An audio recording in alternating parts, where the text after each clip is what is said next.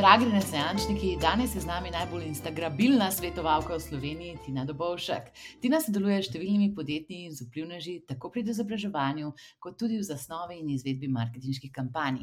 Pred kratkim je praznovala svoj 30. rojstni dan, kjer je lansirala tudi Influencer Pack, paket filtrov, ki fotke spremeni v instagrabilne mestobine.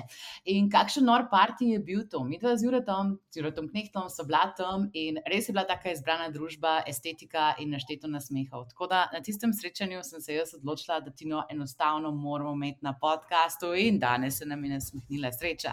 Skupaj bomo odkrivali skrivnosti odmevnih vsebin na Instagramu, dela z vplivneži, strategije komunikacije na tem družbenem omrežju in seveda, kako se da storitev spremeniti v produkt, da s tem lahko pomagamo in osrečimo še več kupcev. Tina, dobrodošla, fulepo, da si z nami, kako si. Uh, Maja, živijo, hvala za povabilo najprej. Um, drugače pa v redu, delovno. Le, jaz upam, da se bomo vsi boomerji danes s tabo naučili, kako delati Instagram. Je to preveč? Uh, ne, ne, kar kar. Haha, v redu je. Pa začnimo kar na začetku. Se pravi, ti imaš za mnoge neko sansko kariero. To, kar si res naredila v življenju, to, take lušne influencerje imaš, s katerimi delaš, pa to, take dobre znamke. In pa zanima me enostavno, kako se je vse začelo, kako si sploh prišla na to pot. Jo, to mi je kar zabavno, ker rečeš sansko kariero. Um, mislim, mogoče, da je sanska za me, oziroma je sanska za me, verjamem pa, da mrsikomu ta del sploh um, ne bi bil všeč, oziroma uh, se ga ne bi lotil, ampak kar je tudi v bistvu po eni strani, hvala Bogu, ker če ne bi bili vsi isti in vsi bi hoteli isto delati, tako da it's ok. Um, ampak ja, začel se je pa v bistvu vse tako, da sem nekako svoj hobi, oziroma da imamo temu reči. Um, preveč uh, prostega časa preživetega na Instagramu. Kako si bila pa stara takrat? Morala v poslu. Um, jaz, ne bo se ena, 26, po mojem. Uh -huh. ena, ja, 26, nekaj tam, približen. Um, tako da ja, takrat sem začela čisto um, v bistvu ustvarjati en inspiracijski profil, in pa sem se na podlagi tega inspiracijskega profila naučila vse, kar znam danes, in še do zdaj mnogo več, učim se še danes skozi vse svoje stranke. Um, takrat sem v bistvu sam zbirala neke lepe slike in jih repostala, zbildala ta profil do 160 tisoč sledilcev. Um, in pa sem to nekako to znanje pretvorila v to Instacoach metodo, po kateri danes predavam. No. Um, zraven sem si tako pregledala cel internet, vse YouTube, možne, um, bila na vseh marketinških konferencah, združila s svojim faksom za digitalni marketing. In to je to, in pol sem v bistvu začela na svoje, da pomagam pač ljudem, kar se le da. Okay. In verjetno si dobila bolj prve naročnike, ker ste verjetno vodili profile skupine. Uh, pa v bistvu niti ne. Um, jaz v bistvu nikoli nisem vodila drugim profile, prav za resno. Um, v bistvu sem zbildala svojega tega inspiracijskega, plus uh, danes svojega Instacoach do 15 tisoč, um, zraven pa mnogim drugim, ampak zgolj skozi izobraževanje. Nikoli, da bi prav prevzela. Uh, mogoče tako čisto zanimivo, ampak meni nikoli ni bilo v interesu enemu podjetju voditi Instagram profila, pa um, to delo nekako upravljati za njega. Meni je bilo vedno v interesu ljudi izobraziti do te mere, da z mojim znanjem to znajo najboljš delati sami. In na ta način sem lahko uh, do danes, recimo, pomagala že um, vem, 500 tim, da pač dejansko um, se ne ustavim samo pri enem, ampak lahko na ta način pomagam večjim. Tako. Mm, kako zanimivo, zaradi tega, ker si začetku že v jedru poslovanja imela to idejo o skalabilnosti, zato da ne bomo pač tako računali na uro in imeli pet klientov, ampak da sporočilo doseže čim več ljudi. To je noro, to mi je ful, ful, ful, ful, ful všeč. Um, da pa mogoče malo poveš o teh oblikah, na kakšen način si pa to svoje zdravje posredovala, si delala mogoče kakšne delavnice, vsebine, kakšne oblike so bile to? Uh, jaz v bistvu načeloma izobražujem samo ena na ena. Jaz sem ugotovila, da je to dejansko način, od katerega ljudje največ odnesejo. Um, na delavnicah imaš ful premaj časa, plus uh, podaš neko splošno znanje, v bistvu nek uvod, zakaj bi mogel nekdo se sploh lotiti Instagrama. Če pa ti želiš, želiš um, razložiti, kako točno se lotiti Instagrama, pa to zahteva tok in tok ur, pa še potem po teh izobraževanjih tok in tok dela. Um, tako da v bistvu to je to. No. Noro. Se pravi, ta izobraževanje ena na ena, prve stranke si verjetno dobila kaj iz svojega Instagram profila, ali si kako drugače delala marketing? V bistvu prve stranke sem dobila po priporočilu od ljudi in že od takrat okay. naprej nekako delam bolj iz ust do ust. Čisti iskreno. Um, pa pol pa je tako v veliki meri še um, direktno iz Instagrama. V bistvu sam to, da sem nalagala vsa ta tri leta vsebino na vsebino, mi danes še vedno prenaša stranke, pa to, da se v bistvu pogovarjajo eden od drugega. Um, Kaj pa konference, da. pa kakšen PR, je bilo to tudi pomembno pri tebi? Um, so vmes me kontaktirali iz kakršnih koli, mislim, iz različnih medijev, uh, sigurno je pripomogel k temu. Um, razno razne konference se jih pa pol v bistvu na nek način. Sem imela toliko dela, da sem se jih po mojem kar malo nehala udeležvati, iskreno. Um, tako da odzovem se na vabila na delavnice, se pravi, če je kakršno koli um, podjetje ali organizacija, pa kar um, kdorkoli potrebuje, uh, da recimo predavam na delavnici, to ja, um, da bi jih sama ustvarjala, ne. Um, tako da na ta način verjamem, da nekaj od tega je pripomogel, ampak večinoma pa še vedno pač Instagram pa odozdovsno. Pa se bodo dotaknili še filtrov, Zdaj, ker to je pa genialna produktizacija nekaj česa, kar je zaznano kot storitev primarno. Ampak preden greva tja, deva povedati, mogoče kaj so te ključne novosti na Instagramu, ki so nas letos usekale, pa bojo zaznamovale naslednjo leto 2022. Na kam moramo biti mi pozorni? Joj, ej, um, novosti v tujini ali v Sloveniji. V Sloveniji, to, prosim. To je res tako ogromna razlika. In če se pogovarjamo samo v Sloveniji, lahko zelo hitro zaključuje, ker mislim, da od junija naprej, če smo dubali, da so se končno po um, vse od leta 2019 končno odločili, kaj bodo naredili z všečki, ali bodo vidni ali ne, smo dobili zraven samo še, ne vem, si translation na storijih, se pravi, da si lahko prevedeš story v um, angliščino, ne, če gledaš kakšnega tujca. Dobili smo drefte storijev, se pravi, da ko ustvarjaš nek story, si ga lahko shraniš kot osnutek. In pa, ne vem, zdaj smo recimo zamenjali swipe up um, v link, v bistvu v nalepko. Uh, to so mogoče, evo, zdaj, ki mi pade par teh stvari na glavo, da je dejansko prišlo v Sloveniji. Kaj pa kakšne rilsi, a pa kaj tasga? Rilsi v Sloveniji jih ni. Pač neki se tako zametki mečajo na Instagramu, ampak jih ni, trenutno jih ni. Ni jih tudi zato, ker nimamo urejene pač, um, zakonodaje za avtorske pravice glede glasbe, a ne se pravi, nimamo tega music stickerja, ki si ga vsi tako želijo, kar je povezan z Rilsi. In ko bomo dobili eno, bomo dobili tudi drugo, če sploh kdaj bomo dobili. Um, Koliko let mi zaostajamo? Ha, ene, dve. Mm. Okay, zdaj pa, ki smo res končali hitro, kot si rekla, o teh trendih v Sloveniji, kaj se pa dogaja na razvitejših trgih? Um, na razvitih trgih, je, kar je meni recimo najbolj všeč, um, je to, da imajo zelo dobro že poskrbljen za ustvarjalce. Se pravi, da dejansko ljudje, ki vlagajo vsakodnevni trud in čas v Instagram, so od tega tudi že neki plačani.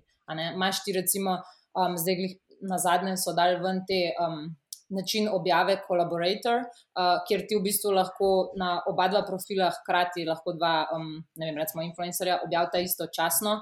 Naredili so affiliate programe, kjer uh, produkte od brenda lahko tegaš pri sebi. Um, naredili so milestones, um, ki si plačam po tem, da če dosežeš neko število teh značk, te značke se dobivajo, badges se jim reče, um, jih dobivaš na live videih, um, z oglasi na IGTV-ju služijo.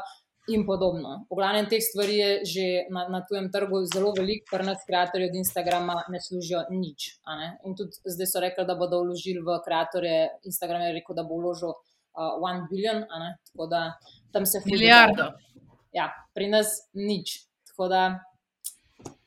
Uh, ja, lej, pa bomo pa mi mogli naprej od sodelovanj s podjetji živeti, kaj da rečem. In tukaj so ja, samo podjetja. Ja, svojih idej, ne, nekako to okay. dvoje.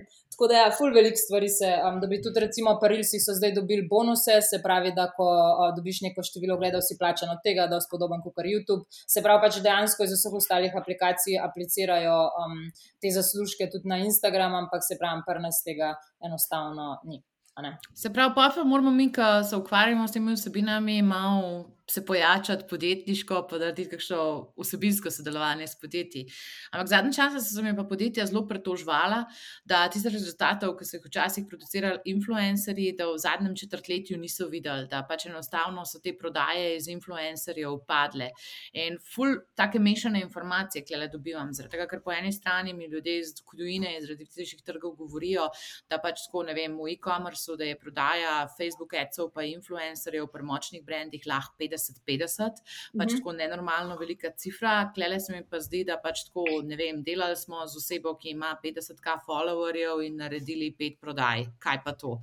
Um, tako da, dej, ti, ki imaš najboljši pogled na slovensko sceno, kako to komentiraš, kakšne trende vidiš kle? Jo, influencer marketing je ena tako zanimiva zadeva. Um, definitivno pali, zaradi tega, ker če ne bi palili, potem ne bi to v tujini tako uporabljali, kot uporabljajo. In tudi, ko pride tuje podjetje na slovenski trg, zelo dobro pokaže, kako se stvari streže, naprimer, about you.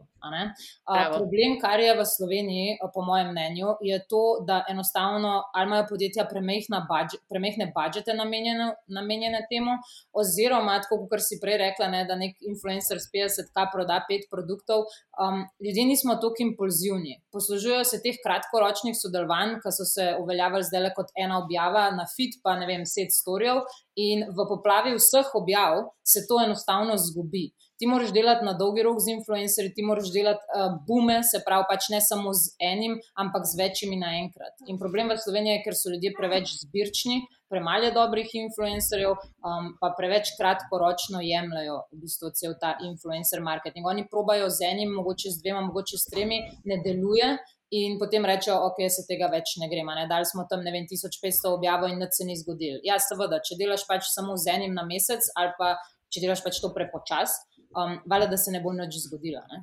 Tako da taktika se je malce spremenila. Uh, moraš se pa prilagajati tem, pa moraš uh, zaupati, trust in the process. Veliko ljudi pa sploh v Sloveniji zelo hitro odneha. Um, pa tudi zdi se mi v bistvu, da um, v Sloveniji ni toliko problem, da bi se ljudje naveličali uh, kupovati od influencerjev, ker še vedno se mi zdi, da za vse produkte na koncu zvejo prek influencerjev in s tem influencer marketingom ti delaš full dober brand awareness, ki pa je težko merljiv v številkah. Vsi pa gledajo samo skozi prodano, um, koliko so prodali, oziroma skozi te kode. Um, Drugač pa. Na slovenski trg je zelo nasičen z enimi in istimi produkti. Ne, valjda, da se tudi manj pol prodaja. Ni problem v influencerjih, problem je v tem, da je že čisto vsak produkt enako in mu prejšnjemu. In tudi, veš, zelo hitro lahko ceniš na slovenskem trgu, gre zelo dobro, ne vem. Uh, pajkice, fitness programi, um, recimo neke obleke, pa neki make-up produkti. Vse ostalo gre zelo teže. Tako da med tem je pa taka konkurenca, da pol mislijo, da influencer marketing ne deluje, da je moč reči. No, le zdaj pa se igrale en roleplay. Zdaj bomo lahko rekli. Ajde. Jaz imam znamko um, enih ful dobrih tablet, ki jih daš v vodo in ti mal naredijo okus vode in ti jo malo vidno tam izizirajo. Se pravi, da bomo lahko popili več vode, da bomo bolj hidrirani. In sem najela Tino iz Instacoacha, da bi mi naredila influencer kampanjo oziroma svetovala, kako se lahko jaz tega lotam. Uh, kaj bi mi rekla, če sem nova znamka iz tujine, naprimer, ki si želim vstopiti na slovenski trg, pa imam en takšen inovativen inovativen produkt, relativno inovativen produkt, se pravi tableto, ki jo damo v flaško vode in mi naredi boljši okus, da vitamine noter, zato da se jaz lahko bolj um, hidriram. Kako bi ti to teklala? Mislim, tako. Ljudje se tega tako lotijo čisto napačno, zaradi tega, ker ne začne se vse pri strategiji. Če imaš ti ne dobro postavljene temelje, sploh profila, nobena strategija na tem ne bo delovala. Lahko samo malo več o tem poveš. Um, recimo, pač, da ti zaženeš, oziroma da boš dobro prodajal nek svoj produkt, moraš ti najprej imeti postavljene dobre temelje. Se pravi, moraš imeti profil, um, tako jaz vedno rečem, da bo vreden tega dvojnega klika oziroma tega klika follow. Uh, se pravi, da veš, kaj ciljaš s svojimi in koga ciljaš s svojimi objavami, da je poven, ampak res poven ene vsebine, da je pristno, da ni sam produkt na produkt. Kaj ponad podjetja, ko odprejo profile, pogledajo večje, tiste, ki imajo že milijone, oni dajo samo neke študijske produktne fotke in pa ljudje začnejo temu slediti. Ti moraš res poskrbeti, da, da si nekaj drugačen, da si kreativen, da si izveren in pač delati in ful velik delati na vsebini. Šele potem, ko si začel izvajati neke strategije, se pravi ta del, ki vse ful zanima, ne vem, kako uh, vključiti influencer marketing, kako narediti neko kampanjo, kdaj koliko objavljati, kje hashtag uporabljati, v ta del. Um, Je bo deloval, če, bo pa, če bodo dobri temelji. In jaz, tako da bi prav ustvarila kampanjo, jo ne, zato jaz pol ponovadi pokličem, ker um, žiga ta šrama, on to obvlada. Um, ampak uh, uh, ta del jaz recimo ne delam, lahko pa povem, kaj bo deloval, kaj ne bo deloval, uh, jih ljudi recimo usmerim, oziroma itak skozi ta izobraževanja, ki jih imamo, ki se pripravimo na to, da le mi lansiramo to pa to, mi želimo to pa to, um, itak padejo neke nove ideje. Ne? Tako da v bistvu jaz ful dam velik podarek na brainstormingu tudi, pa primer pač uspešnih in slabih praks. Tako da jaz bi tako na začetku svetovala, da um, prvo si sploh poštimi temelje, prvo sploh poštimi svoj Instagram, da karkoli boš delal, bo to sploh um, deloval, pa pa se dol usest, pa uh, preučiti strategijo, to itak lahko narediš z nekom, ne? se pravi nekdo, ki ima neke kreativne ideje um, in pač se lotiš tega tako, kar je treba. Mm, noro. Ej, to, ful dobro si povedala, ful mi je všeč, kako pa če veš v angliščini te bo reči spill the tea, uh, oziroma kako si brez lake na jeziku, verjetno najboljši prevod, ker ga premoremo. Um, ja, jaz sem to rada direktna, zaradi tega, ker uh, se mi zdi, da ljudje največ odnesejo. Če bom jaz nekaj za brez veze, mislim, da je neko splošno znanje, ne bo nikoli čistega. Totalno. Pa da je vrniva se pa le en korak nazaj, če si nas ti že tako prizemljila, da pač ne moramo iti kar takoj v kampanjo z influencerji. Se pravi, če bi jaz pač zdaj kontaktirala tebe za izobraževanje in to sem te že hotla, avgusta sem te hotla, pa potem okay, pač tako so se različne stvari naredile do takrat. Um, ampak, le kako to poteka? Se pravi, jaz ti pošljem svoj Instagram profil, pa rečem, jaz sem bogi boomer, ne vem, kako naj dobim 5000 sledilcev, a mi lahko pomagaš ali kako, kako sploh prideš do tebe? Pa ljudje se lotijo na vse možne načine. Se pravi, ali me kje srečajo, pa kar direktno vprašajo, ali želijo se pogovarjati po telefonu, ali me kontaktirajo prek um, uh, obrazca na spletni strani, ali mi pošljajo mail, ali mi pa napišejo v DM. Tako da poprašanja dobim na vseh koncih, povejo ponavadi, um, kakšno težavo imajo. Ne, ponavadi kakšne težave pa so najbolj pogoste, če se mogoče tega še dotakneva? Um, da se odločijo za izobraževanje, je to, da ali bi radi dobro začeli, ali, pa, ali so se pa zataknili. Se pravi, da pač ne vejo več, kako bi, da vidijo, da je priložnost v Instagramu, ampak jo dejansko ne znajo izkoristiti, če se o tem pogovarjajo. Um, tako da ja, pač poprašanja pridejo iz vseh strani. Uh, pa pa um, jaz pošljem uh, ponudbo, se tudi pogovarjamo, če je treba, se dobimo tudi na sestanku, čeprav to zadnje, zadnje čase bolj malkrat, ker že prek telefona lahko te stvari tudi dobro obrazložim. Um, razložim, da pač poteka izobraževanje v dveh delih, ker je enostavno toliko ene vsebine za predelati, da je ne mogoče jo predelati v enem dnevu, uh, ker bi trajalo 8 ur in ljudje, jaz govorim tako zauzeto, zdaj tam 8 ur, oziroma ljudje teže to poslušajo. Po, ja, slišimo te, zelo si nabita, mislim, zelo imaš veliko sporočil za povedati. Ja, pač jaz v teh štirih urah se mi zdi, da res dam toliko znanja, ker vidim um, ljudem po obrazu, da so prav utrujeni na koncu.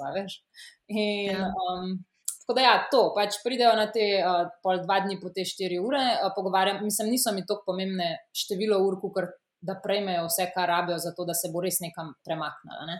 Uh, bazirano so izobraževanja ful na primerih, ker se mi zdi pa direktno neko nišje.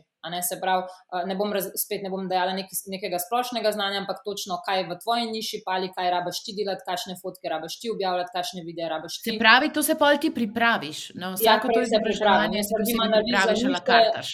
Tako, jaz naredim analizo niše in celo predpripravo, prijem se mi dobimo, in uh, v ta namen tudi uh, ko se pogovarjamo za izobraževanje, ne, pošljem uh, v bistvu domačo nalogo, že ta prvo, da naredijo, um, da mi dajo pet slovenskih oziroma pet tujih profilov iz njihove niše, uh, mogoče kakšno konkurenco, ki jim na Instagramu delajo dobro ali pa slabo. In ne morem verjeti, koliko je ta naloga.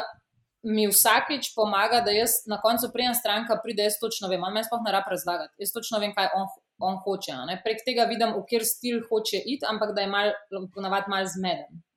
In tudi je zanimivo, ko vidiš, kako se ljudje lotijo te naloge. Eni ful podrobno. Eni pa sam napišejo, nimam nobenega profila, ki bi ga sedel. In ful lahko hitro oceniš karakter um, ljudi, ki pridejo na izobraževanje. Tako, ful zanimiva naloga. No? Um, pa pa pač pošljem ponudbo, kjer je vsebina zelo podrobno razložena, ker na spletni strani je to zelo slabo razloženo. Moram prenoviti, postavljati sem jo tri leta nazaj, uh, ker še nisem imela tako dobro dodelanih stvari, kot jih imam danes, tako da zdaj me čaka prenova, smo jih v um, ta nov projekt. Um, in pol se odloča, če sprejmejo ponudbo, se zmenimo za termin in je to to. Nora. Ej, tako, jaz se spomnim, da sem šla čez ta cikl, nekako tako, mislim, sicer brez tvojega guidansa, ker si predstavljala, da je bilo še toliko boljš. Ampak ja, prva naravna stvar mi je bila, da pogledam, kdo že dela to, kar bi jaz rada delala. In mm -hmm. jaz sem pač to naredila tako, da sem na Facebooku vprašala svoje followerje, ki pač tako sledijo mene, koga pa sledijo na Instagramu. Glede na to, da jaz nisem imela tam nobene prisotnosti, tako resne, a ne strokovne. Uh mhm. -huh. In to mi je bila dosti pomembna informacija, da tudi veš, kaj jaz nisem vedela, ker mene pač tako le v Instagramu, jaz gledam pač te avstralske očarje in pač tako neke take teme, ki so pa tako prostočasno za me. Vsak dan. Ja, tako, no, mislim, res nisem strokovnih vsebin tam sledila, čisto iz lastnega interesa. Um, in ja, mi je to ful pomagalo, da sem pa svoje followerje na LinkedIn-u, pa na Facebooku vprašala, koga pa sledijo oni na Instagramu, da jim je pač tako relevanten, kar se tiče stroke. Mm -hmm. Tako da mm -hmm. mogoče bi se še tole pikico dodala, pa pa ta druga stvar, ki se pa meni ful, ful, ful, ful, ful zaš, tu štralatina je bila pa izvedba. Kaj pač tako ljudi, ki ti ne pišejo 15-stransko strategijo, je tako milijon, ampak ljudi, ki bi pa dejansko pač lahko konsistentno to izvajali, je pa kaos. Tako da, imaš mogoče kakšen na svet za nas, se pravi, potem, ko pridejo ljudje k tebi za izobraževanje, kako to spraviti v življenje, kako za Boga to spraviti v življenje. E, jaz um, še danes se učim, priznam. Uh, ampak, ko pogledam, recimo, za nazaj svoje prvo izobraževanje, pa tega, ki sem imela danes do povdne, recimo, uh, to je ogromna razlika, pač ogromna razlika.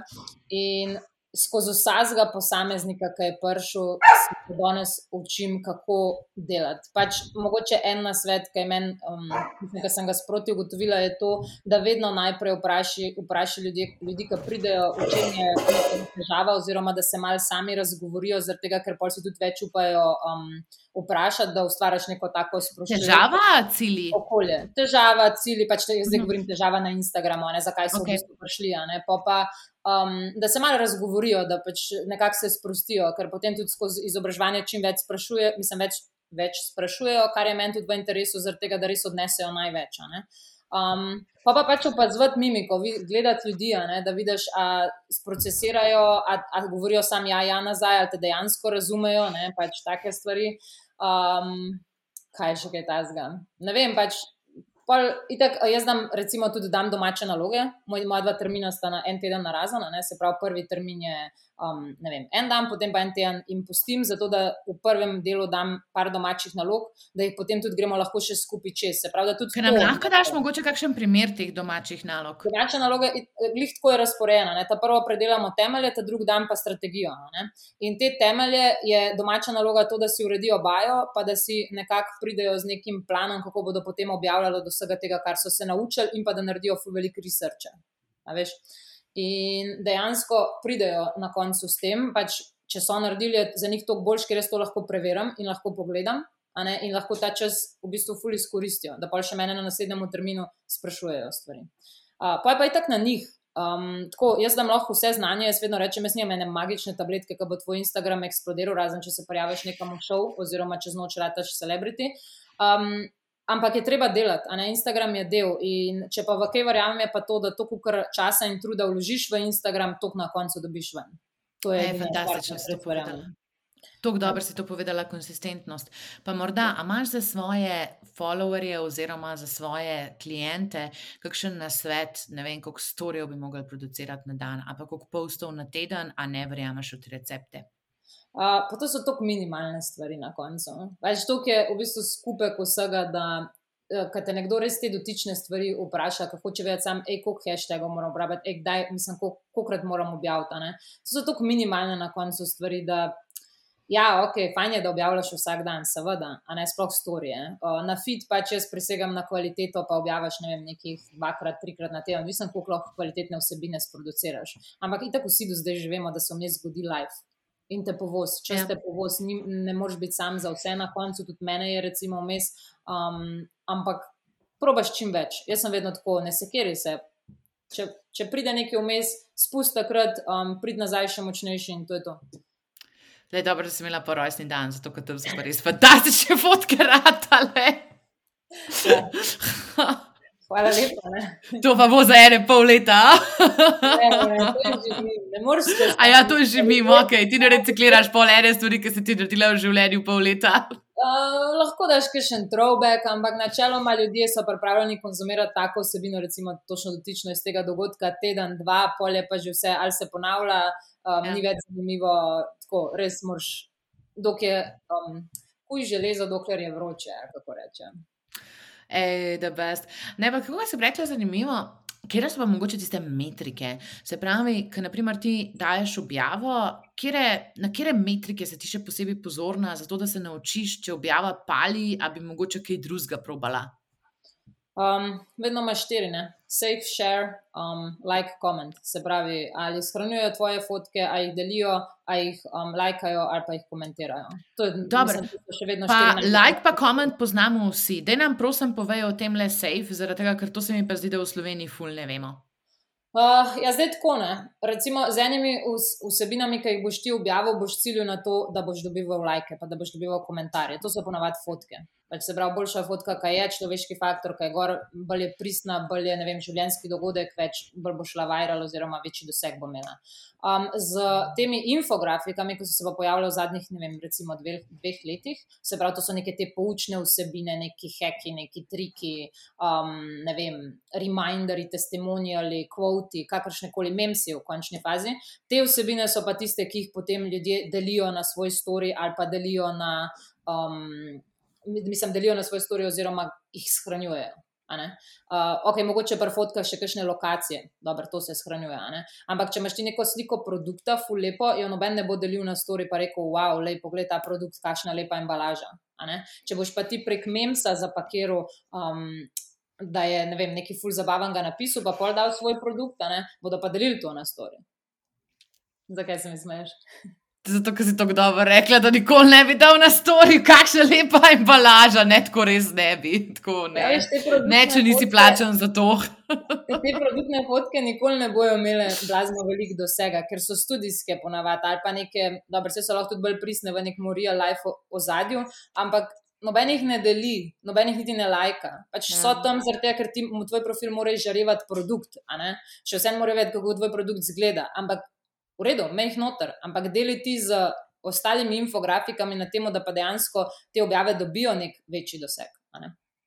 Totalno. In ja, ta sejf je bil fuz zanimiv.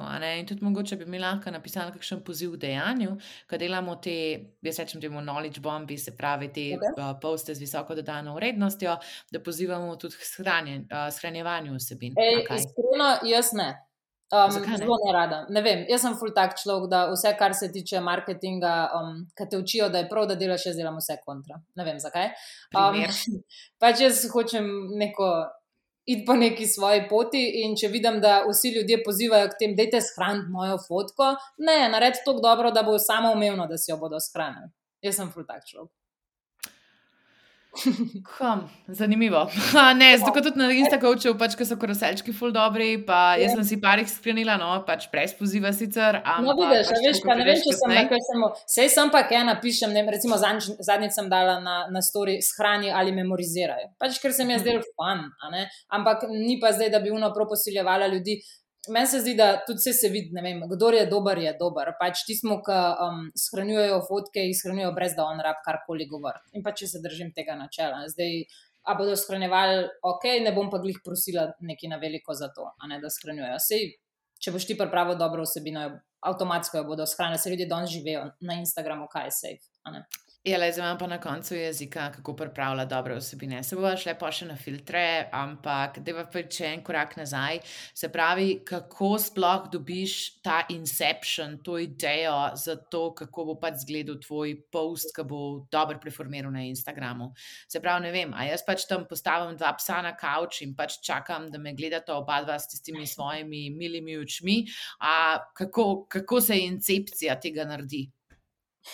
Mm, iskreno, jaz mislim, da jaz zelo hitro vidim danes, kaj bo mogoče boljš deloval, kot kar neki drugega, zato ker enostavno že deset let gledam v Instagram. A ne pač imaš za sabo že tok in tok slik. Zdaj pa nekomu drugmu. Um, pa prvič probavaš, se pravi, objavljaš sam pri sebi, kar misliš, da bi lahko deloval, in probavaš toliko časa, dokler ne najdeš. In ko najdeš, si odkril in delaš tega samo še več. Uh, druga stvar je pa spet, gremo nazaj tam, kjer smo bili že prej, deli research. Poglej, kaj pa drugih deluje. Ne, ne zdaj kopirati, ampak um, če vidiš, da neka oblika deluje, lahko probaš to implementirati potem tudi v svojo strategijo. Ker tvoje fotke izgledajo vse tako mega dodelane, že tako pač ti izgledaš fenomenalno, tvoj partner izgleda fenomenalno. Ne vem, pač po drugi strani imaš pa tako ere druge estetike, so pa tako, tako bolj skrepi, no je pa pač bolj tako, da ja, vem. Pač jaz se valam po kavču in jem čips, adijo. Ne, mislim, lej, sej. Uspevajo tudi Instagram, um, Instagrami, ki nimajo tako perfektne te vsebine, pa nimajo tako uh, bolanih ali pa ne vem, full hudih fotk. Um, pač delajo nekje drugje, okoli, ne? se ni vse samo v fotkah, mislim, se pravi. Jaz lahko naredim neko skrepi fotko, tega, ker sem se tukaj izobrazila v tej meri, da, da rada, v bistvu, ustvarjanje fotke je moj hobi. Uh, jaz vse posod, kamor ti mene daš, pa če je Instagram bilno okolje, jaz sem vse slikala.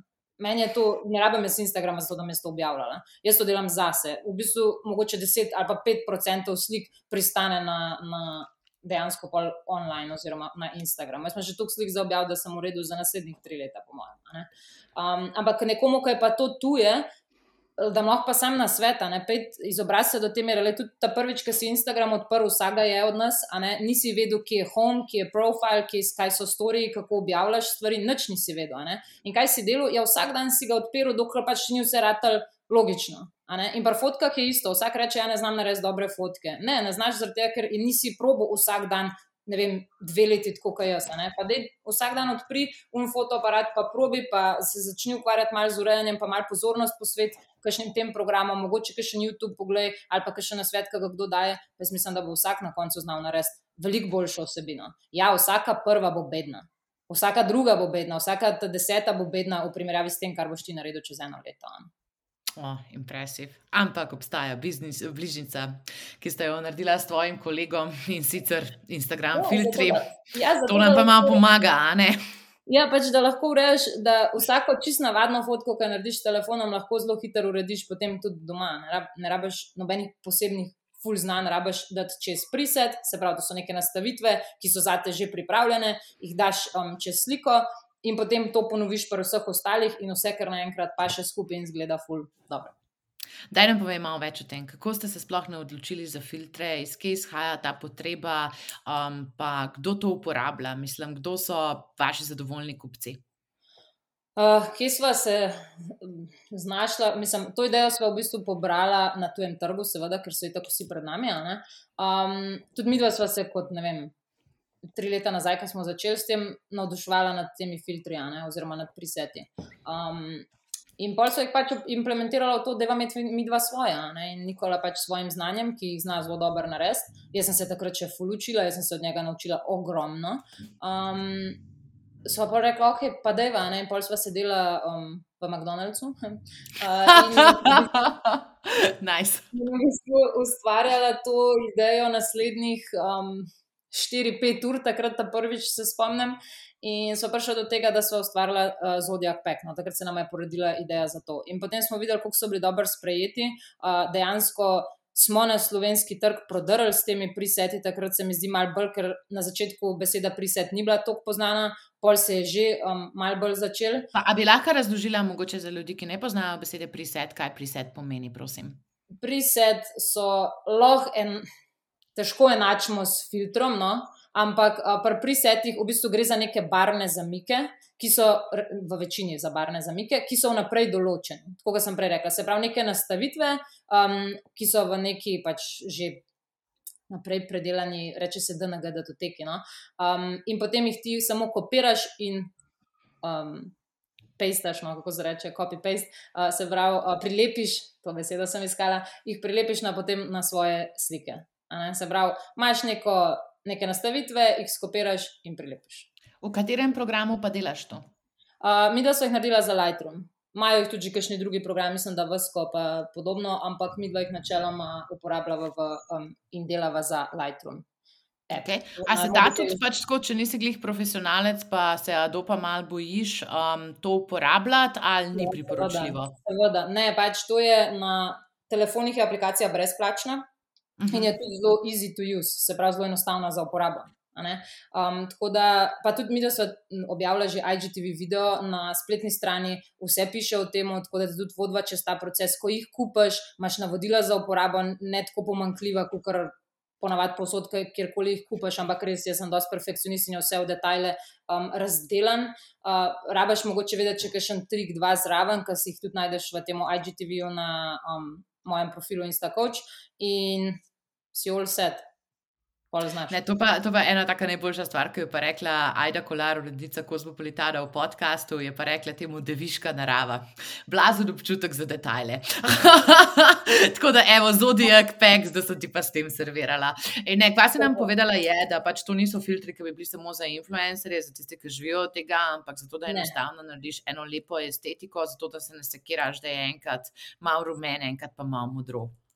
Hey, daleč od tega, glih, um, danes je objavila, mislim, da um, Nika Vegar je objavila objavo na Fit in je napisala um, od spodaj, da si glih kar uredila album za, za sprintati, sprintane fotke z našimi preseti, z temi novimi. Tako da je nice. za vse, za, kot, da odkriješ nov hobi v sebi, da dejansko rad fotkaš in rad urejaš slike, ker ti to tako pomaga, recimo na začetku v štartu, a, da se razviješ od tega naprej, mogoče so ti lahko tudi dobra podlaga, da narediš na koncu svoje. Tudi to. Um, fotografom, kajšnim pomagajo, so nam tudi um, pisali, da so zelo zadovoljni z njimi. Uh, tako da vsakmo ne gre sprav samo za to, da bi jih lahko uporabljali influencerji. Tudi čisto normalni uporabniki, če zdaj to tako rečem, um, se jih zelo radi poslužujejo. No. Kakšna je razlika med zodijak pekom in influencer pekom? Ker pač očitno je bil ta zodijak pek že kar uspešnica, da ste se sploh odločili za nov paket filtrov. Kako poteka ta evolucija? Um, v bistvu, po mojem, nikoli se nisem dejansko vprašala, kaj je največja razlika, ampak če bi mogla zdaj iz glave reči to, da smo se malo bolj prilagodili današnjemu trgu od takrat, se pravi, da so te priseti uh, bolj minimalistični, um, bolj, niso tako intenzivni. Ker zelo velikokrat ljudje dobijo full intenzivne prisete in potem jih dajo čez slike, pa je treba pri tem prisetu, ker ni vsaka slika um, narejena v istih svetlobnih pogojih, je treba prilagoditi ponavadi še kakšen exposure, uh, se pravi svetlost slike ali pa um, kakšno barvo mal ugasniti. Oni vržejo čez ta priset in potem je modro nebo. Ekstremno modro, ker je on sliko ob 12. popoldne, mi dva pa ob 8. zjutraj, in je treba modro, modro barvo malo ugasniti. Tako da um, zdaj smo naredili tako milejše prisete, da nikjer nobena barva tako ven ne seka, no? pa da ni takih barvnih ekstremnih zamikov. Uh, v tem se mi zdi, da je najbolj, največja razlika. No? Se pravi, če se evolucija v estetiki, si rekla. Tako, tako. Pa, pač to, da smo nekako um, povabili zraven še. Pa 13 influencerjev, to je tudi eno tako. Ali tako ste se lotili trženja tega? Ne, zdaj pa prosim, povej še kaj več o tem, kje so bili influencerji, kako ste se to zmenili, kako poteka marketing influencer peka. E, uh, iskreno, spet, jaz ne delam tukaj okoli tega, uh, pravzaprav nobenega velikega marketinga, um, kar bi imel vsi marketingaši, tle po mojem linčar. Um, nama je to res pešen projekt, čisti iskreno. Pač v Sloveniji trg za prisete je mehen v tujini zaslužijo od prisetov 350 tisoč na leto, ta dobri. Ali pa še več, no, sej, lahko manj, lahko več. Ampak v Sloveniji ni to tako velik trg in mi dva nisva šla delati tega, zato da bi ne vem, kakšen zaslužek tukaj naredila, mi da so šla tukaj. Pa tudi če bi, mislim, da tudi v tujino prodajata. Uh, ne, v tujino ne prodajava. Še. Um, Ma, jaz se bolj fokusiram na slovenski trg. Okay. Meni je bil v bistvu, mi da so full kreativne duše in rada ustvarjava. In vse te organizacije, teh šutingov eh, in polis. Izpeljati te šutinge je bil tisti del, ki je nama bil zanimiv in zaradi česar sem jaz, recimo, osebno, no, če zase govorim, šla v to. Tako da ta del. Hm, ful, zanimivo. Se pravi, te vplivne že pa verjetno že odprej poznaš. Ne? Imate prej eno tako odnos, da ste lahko pa skupaj delali za to estetiko. Ka, jaz pač ne vem, se ne predstavljam, le Aido, Rovtor Oran, kar smo imeli naprimer, na podkastu. Mm -hmm. Pa jaz se ne predstavljam, da prideš do Aide in rečeš: hej, Aida, bi ti bila svoj paket priseta. Ne vem, kako to poteka, tako sploh mi ni jasen. Uh, ja. Ne vem, vprašaš, ne? najsla, mislim, najmanj, kar lahko dobiš nazaj, je odgovor ne to so me vedno učili. Tako da enostavno. Pa so oni kaj sodelovali v razvoju tega? Um, ne, pač to je čisto v bistvu delo Nikolo, Nikole pa mene. Seveda smo jim poslali predogled, ker mi je zelo pomembno, da so obe strani zadovoljne. Um, tisti, ki so želeli, seveda, ne videti, eni so nam pač enostavno zaupali, pa so rekli, da je narediti tako, kot želite.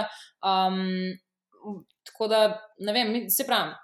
Mi dva smo jih kontaktirali, nekaj smo jih poznali, nekaj smo prvič vprašali, um, to je to. Ja, kako luškano. Se pravi, pa sem videla, da si imela tisto lepo lonč zabavo, a ne na lonč zabavi sem videla pri tebi pač prav te vipe, ne vem, stelo iz ekve, ki smo jo imeli tudi na podkastu, je bila tam, pa Influji je bil tam, pa Nika Krmac je bila tam, ker so se pa še na štarte v Slovenija eventu slišali čez dve dni, je bilo mal bizarno. pač tako, vsi na istih eventih, kaj pač mala Slovenija. Ja, ful mi je všeč, ker sem videla, da je dogodek združil ljudi med sabo. Ful. To mi je bil, to mi je bil najbolj najboljši del celega dogodka. Ej, totalno. In pač tako, ful se imela zanimive sledi, uh, mislim, tudi sredine tam, se pravi, bili so tudi te ljudje iz biznisa, pa so bili pač ja. pač te ljudje, mislim, sorry, da teče v vplivneži iz Instagrama in pač še tako te podjetja, s katerimi ti dejansko sodeluješ, ne tvoji ja, partnerji. Ja, vsi na nek način moji um, prijatelji, če lahko tako rečem, znanci, kolegi iz um, um, Instagram sveta. sveta. Um, Pa poslovni partnerji, ne, seveda, so bili tudi nekateri zraven, tisti, ki so se uspeli udeležiti. No. Um, pa malenkost, mislim, da je bilo ene par, sem jih pa res povabila, ker sem jih še hotela spoznati. Tako. Mm, Nekaj meni je bilo pa tako, veš, jaz sem pa fur razmišljala o tebi že pač novo leto, ko si poslala mojemu bratu, ki je tudi tvoj poslovni partner, pač tako eno darilo, ne vem, a je bila penica od um, Ormoža, Jeruzalema, Jeruzalem, kaj že res bila. Okay, cool. Cool. To je bilo, pa je bilo prav custom made. In pač na tiste točke sem jaz razmišljala, wow, kje relationship builder si ti, koliko te prej so pomemben ti odnosi. Uh, ja, full, res, jaz dam, mislim, dam največ na odnose. Mislim, meni je to the fun part, da pač. Uh, A veš, vsi na koncu vidijo, da ok, delala z Jeruzalemom, jaz pa vidim, o super, bila sem tam prnih, ne vem, štirikrat v, uh, v pisarnah, um, skupaj smo si odprli eno penino, pogovarjali smo se, skupaj smo pakirali, bil je tak fun project, uh, pelali so me v njihovo vinsko klet, sem, sem si tam recimo lahko pogledala stvari, so me kaj podučili. Uh, meni je bolj ta vidik dober, a ne teh sodelovanj. Tako da. Ne, in tudi, po mojem, zaradi tega dobivaš toliko teh priporočil nazaj, ki si nam na začetku rekla. Zato, ker pač očitno delaš le ljudi srečne in jih pač držiš v enem takem stanju, da so povezani s tabo, da jim pač na dolgi rok dodajaš vrednost, tudi potem, ko se sodelovanje morda že zaključi. Ja, jaz, jaz upam. No. ne, zdaj hočem sicer tvoj biznis, pa vem, da ti to ne paše.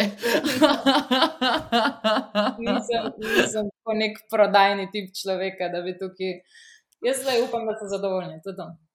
Ne, le se so, veš, da je ta šel upgrade, ki je bil na tvoji zabavi, mislim, da kar kaže, da so ljudje zadovoljni. Ajde, le, pa pa rekla si nam, da je ful pomembno, da objavljaš vsebine, se pravi, dotaknili smo se tega, koliko so pomembna priporočila in to, da držiš dobre odnose s poslovnimi partnerji. A je v tvojem biznisu mogoče še kakšen takšen kanal, ki ti je bil pomemben? Ne vem, a si imela mogoče kakšne mentorje, a pa kakšne, ki so ti pomagali pri poslovnem razvoju, pri prodaji, tako sam, da se naučimo, kako furati, zato ker vem, da je ogromno poslušalcev, ki si želijo narediti social media biznise, zdaj le pač predvsem na TikToku.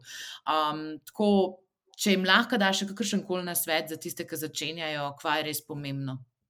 E, um, enkrat sem dubla en na svet, da je zelo dober, da poveš svojo idejo na glas, že na začetku, pa ne zato, da bi ti jo kdo ukradel, ker sem se tudi malo tega bala, naprimer na začetku, ampak zaradi tega, da najdeš ljudi, da ti pomagajo. Ker več, kar sprašuješ, um, več odzivov dobiš uh, nazaj. In sigurno na moji poti je en kup krasnih ljudi, ki so mi pomagali. Jaz ne bi bila tam, kjer sem danes brez njih. Jaz ne vem, zdaj koga tle lahko izpostavljam, pa koga ne, tako da bom zdaj vse zadržala.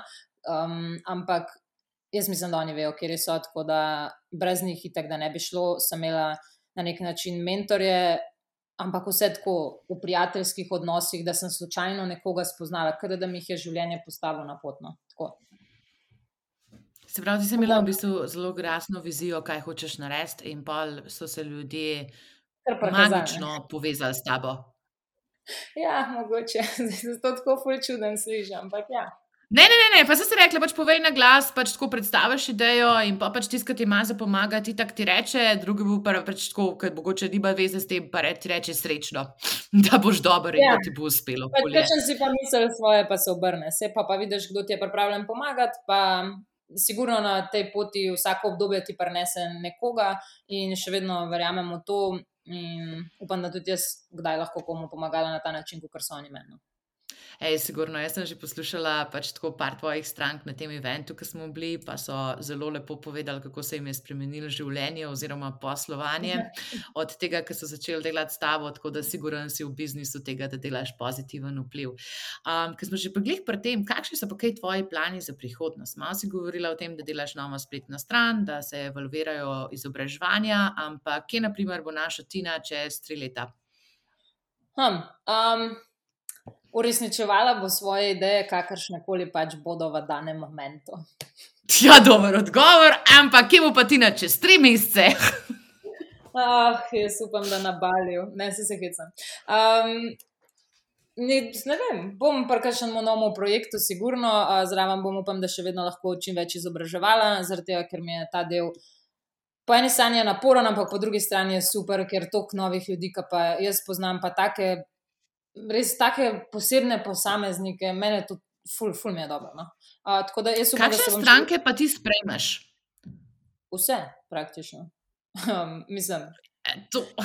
Ja, pa verjetno nimaš dovolj časa, da vse, ki se zadivajo v Instagram, da bi ti osebno izobraževala. Imáš mogoče kakšne um, segmente, ja, ki so bolj osredotočeni? Je, mislim, je časovna, časovna doba, da se čaka. Ne? Zdaj pač sred poletja to malo plahne, ampak tam september do maja je pa pač lahko, čak, mislim, se lahko čaka tudi dva meseca. Ne? Jaz si pravim, da čim več, kot si lahko dam. Uh, recimo od januarja do maja leto sem si dala kar mal preveč in je zmanjkalo časa za vsebino, ker ipak sem sama. Um, ampak potem se pač malo počaka, daljša časovna um, čakalna doba. No? A si kdaj um, razmišljala, da bi najela asistenta? Je tisočkrat, tisočkrat. Ampak na koncu vedno, uh, vedno ugotovim, da kdorkoli bo karkoli naredil, bom jaz hotela na koncu še vedno popravljati. To je tipičen, vse se zavedam teh problemov, pa tudi sem se že z velikimi pogovarjala o tem, da moraš spustiti. Um, Druga stvar je pa, da sploh ne vem, kako bi v bistvu predala delo, ker na koncu se bodo še vedno tudi izobraževanja, se bodo vedno hoteli učiti prav od tebe. Težko ta del, ja. recimo, ja. programa. Ne? Vsebino pa tudi zaradi tega, ker Instacoach je ta, kakršen je, ker ga objavljam jaz. Če ne bo pol gor drug humor, pa neka druga osebnost za tem profilom in to se bo čutil. In zelo težko ta dva dela, ki mi največ časa vzamete, ki bi jih mogla mogoče um, podeliti, jih podelim. Ne? Pa dobro, pa je že naredila toliko na digitalizaciji, zdaj tega z uh, pekom, pa le, mislim, s časom, v času tudi vsi dvignemo nekako svoje cene, kadar imamo pač tako res inflacijo povpraševanj, tako da ju gadis, pač tako kul cool bo. Ful bo v ja. redu, je pa ful dobro, zato ker ti to že znanje deliš za ston in pač na svojem profilu, ki je res pač tako fenomenalen. Jaz ga pač stokam, jaz ga pač tako, kot ga razumem, tako, kot ga razumem, ga pač absorbiram. Um, in ja, pač tako, definitivno se vidi impact. Pravim, da jaz si želim tukaj, da bi lahko ponudila še več, ker delam prepočasi. In zdaj iščem neko rešitev, da bi to delala malo hitreje. Uh, zdaj imamo pa sam še v bistvu zadnjo, zadnjo, zadnjo stvar in to te pa res ful želim vprašati. Kakšna je pa Tina za telefonom? Se pravi, ko ti nisi na Instagramu, ko nisi na družbenih omrežjih, kdo si?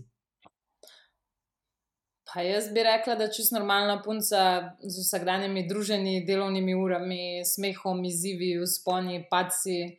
Um, čisto preprosto dekle, ki izvaja vse ostale naloge v življenju, ki jih mora. Nič posebnega. Isto, kot na Instagramu. No. Se ne razlikuje. Ej, kako lepo. pa aktivna si ti tudi, ne? Mislim, potovanja, pa športne aktivnosti, to ti top. Ma, potujem šele zdaj, eh, v bistvu, odkar sem dobila fanta. Um, prej niti nisem to, prej sem v bistvu bila samo instacoach, instacoach, razen šport.